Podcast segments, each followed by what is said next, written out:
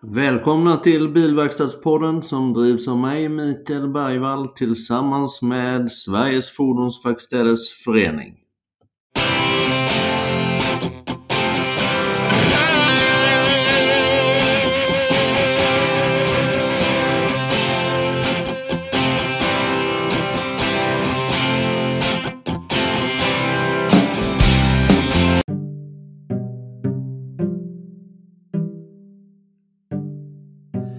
Sveriges Fordonsverkstäders Förening rekommenderar digitalservicebok.com. Främst för att systemet ger den fristående verkstaden en fulländad möjlighet att arbeta på eftermarknaden utan insyn från biltillverkaren men också för att den ger stor konsumentnytta. Stämpeln i digitala serviceboken går i god för att bilens garantier gäller på precis samma sätt, det vill säga fortsätter att gälla genom full dokumentation. Du har enkelt och smidigt med dig all dokumentation om din bil i en app. Önskar du mer information om digital servicebok kontakta oss på SFVF. Ja, då var ni välkomna till ännu ett avsnitt av Bilverkstadspodden. I dagens avsnitt har vi med oss ingen mindre än Juan Garcia som är VD för ABR. Välkommen Juan! Tackar, trevligt! Riktigt roligt att ha dig här. Jag tänkte du skulle börja med att presentera lite kring dig själv, vem du är. Ja, jag, är 50 år ung. Eh, som mitt namn antyder så har jag lite spansk bakgrund också. Min ja. pappa är från Spanien. Eh, och det, det, är väl det mesta som jag har att göra med Spanien egentligen. Okay, ja. Jag har varit på semester där också några gånger. Mm. Eh, däremot så var det en utmaning i tonåren att heta som jag gör och inte kunna ett ord spanska. Mm. Och än värre blev det eh, när jag åkte på semester till Mallorca och inte pratade någon spanska. Jaha. Så att jag fick sätta mig i skolbänken som tonåring och börja plugga spanska. Men nu är den flytande?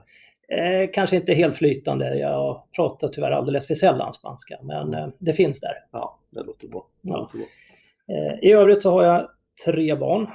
Jag brukar säga att de är vuxna nu. Mm. Eh, det är inte helt sant. Jag har en 16-åring, en 21-åring och en 26-åring, eh, varav den äldsta då, Simon, har flyttat hemifrån sedan fyra år tillbaka. Mm. Mm. Vi bor ute i Järfälla i nordvästra Stockholm mm. i ett eh, område som är anpassat och byggt för barnfamiljer. Mm. Eh, så vi får väl se. Vi, vi, ska väl bo på något år till och sen får vi se vart vi tar vägen. Ja. Du har fullt upp med andra ord? Eh, det är fullt upp, ja. absolut. Du pratade lite om att du bytte fönster och grejer och sånt själv? Och... Ja, ja, kanske inte helt själv, men, men jag har svårt att släppa eh, det hantverkliga till, till någon annan helt och hållet, utan jag vill gärna vara med och känna och klämma lite grann. Ja, ja. Fritidsnöjen och sånt, är det fiske eller? Eh, fiske är ju eh, både ett nöje och, kanske ett måste också att mm. Eh, få komma iväg ut i fjällvärlden och, och rensa huvudet och mm. tänka på någonting annat. Jag kan bara tillägga att vi sitter här på Juans kontor och väggarna pryds av väldigt vackra foton ifrån fjällsemester och dylikt. Ja, jag behöver titta på dem mellan varven och, och skingra tankarna som sagt. Jajamän. Du Juan, om vi går in lite mer djupare på din karriär då. Hur började allting? Ja, eh, jag brukar inte kalla det för karriär utan det, det, har blivit som det har blivit. Jag har aldrig haft någon, någon plan egentligen på varken vad jag ska bli eller vad jag ska göra utan det, det ramlar på sig. Men när jag var 18 år så skulle jag söka jobb och, och då tog man gula sidorna och, och, letade rätt på lite företag och, och gärna att de fanns i närområdet där man bodde. Mm. Och, så ringde jag eh, och, då föll lotten på eh, en Scania-återförsäljare mm. som behövde en lastbilsmekaniker.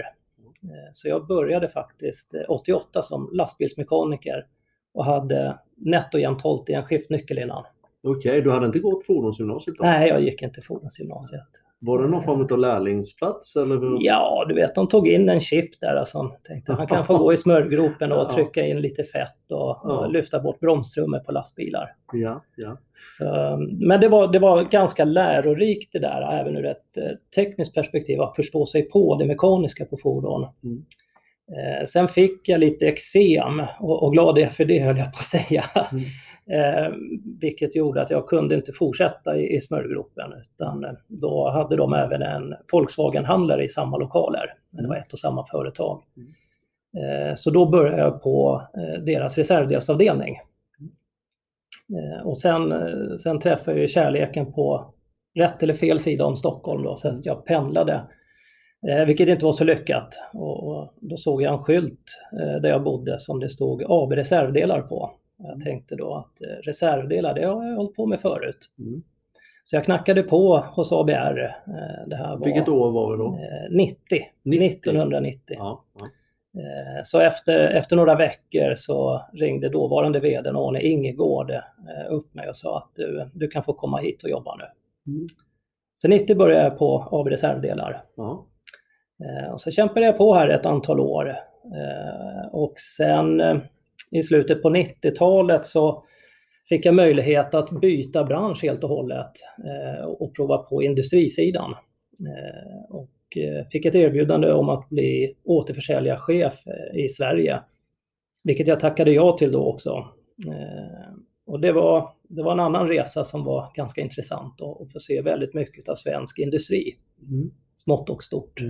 Du reste på hela Sverige eller reste du på över hela världen? Eh, nej, jag började med att resa från, från Ystad upp till Kiruna där vi hade LKAB-gruvan eh, på norra sidan. Eh, och körde det i två, tre år. Då. Eh, Det var så att det företaget hade väl inte eh, skött om sina återförsäljare i Sverige på flera år. Eh, Så när jag kom så, jag brukar skämtsamt säga att jag gjorde inte så mycket men det blev väldigt bra i alla fall. Och eh, den här koncernen, eller det här företaget ingick då i en tysk koncern eh, med global eh, verksamhet. Eh, Och eh, då blev jag eh, tillfrågad om jag ville åka ner till Tyskland och utveckla ett Europakoncept för återförsäljare. Så jag flyttade aldrig till Tyskland men jag pendlade varje vecka ner och så jobbade vi med det ett år.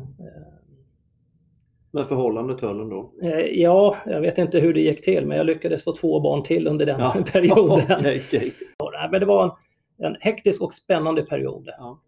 Sen då efter ett tag så kom du tillbaka till AB? Ja, precis. Jag, de sista åren då på det här företaget så var jag försäljningschef i norra Europa och, och pendlade. Jag började på måndag morgon vid fyra tiden och stack iväg till Arlanda och ner till eh, Amsterdam för mellanlandning innan Birmingham, upp till. Manchester, ner till Frankfurt, eh, upp till eh, Köpenhamn, Oslo, Stockholm och ibland Helsingfors däremellan också.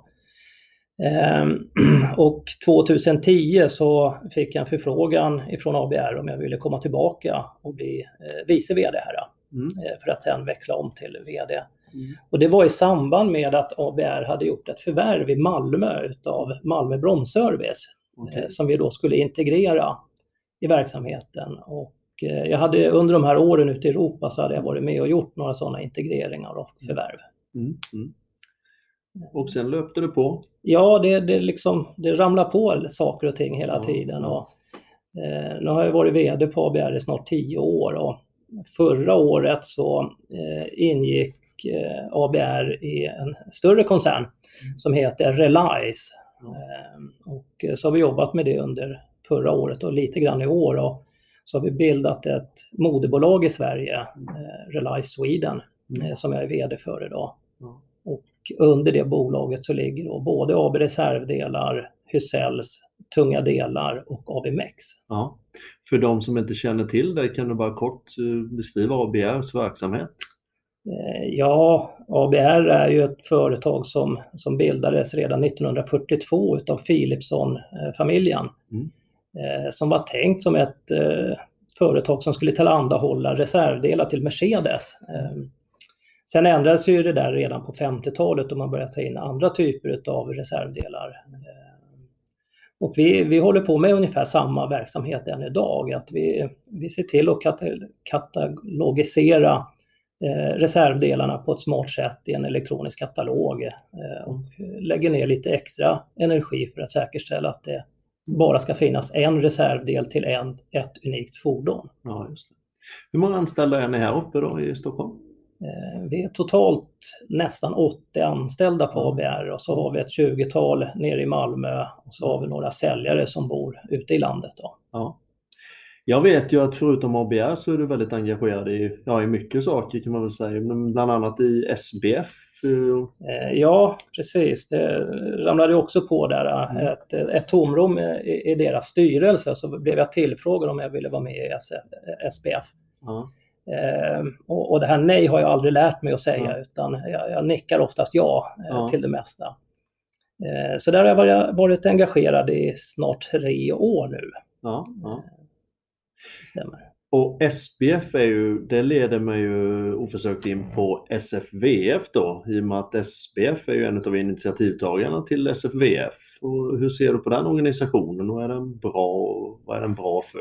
Ja, men jag tror från början när, när vi tittar på SPF så, så gör den föreningen jättemycket för, för branschen i, i stort. Ja. Eh, men, men de, de, flesta medlemmarna består av grossister eh, och inte verkstäder. Mm. Eh, och vi kände väl alla i styrelsen att det behövs ett organ som tillvaratar verkstädernas intressen och ser till att de får rätt förutsättningar att utvecklas. Mm. Och det tror jag var ett jätteviktigt steg för oss. Mm. Att som många gånger leverantörer till verkstäder mm. inse också att vi är kanske inte de mest lämpade att mm. driva verkstädernas intressen. Nej, nej, nej. Men du har suttit med där som du sa i tre år i SBF styrelse här och är du, känner du att du har, du har ingen daglig verksamhet inom SBF eller inom SFVF utan det är sånt när du, är, när du sitter i styrelsen och tar besluten då för själva organisationen? Ja precis, vi, vi har ju en hel del kontakt mellan våra styrelsemöten. Ja, ja. Vi har också ett par årsmöten, en ja. på vårkanten och en på hösten. Eh, men vi har också en ordförande som driver den dagliga verksamheten mm. med lobbyverksamhet, engagemang i Bryssel också i, i vår moderorganisation som heter FIGUEFA. Ja, just det, just det.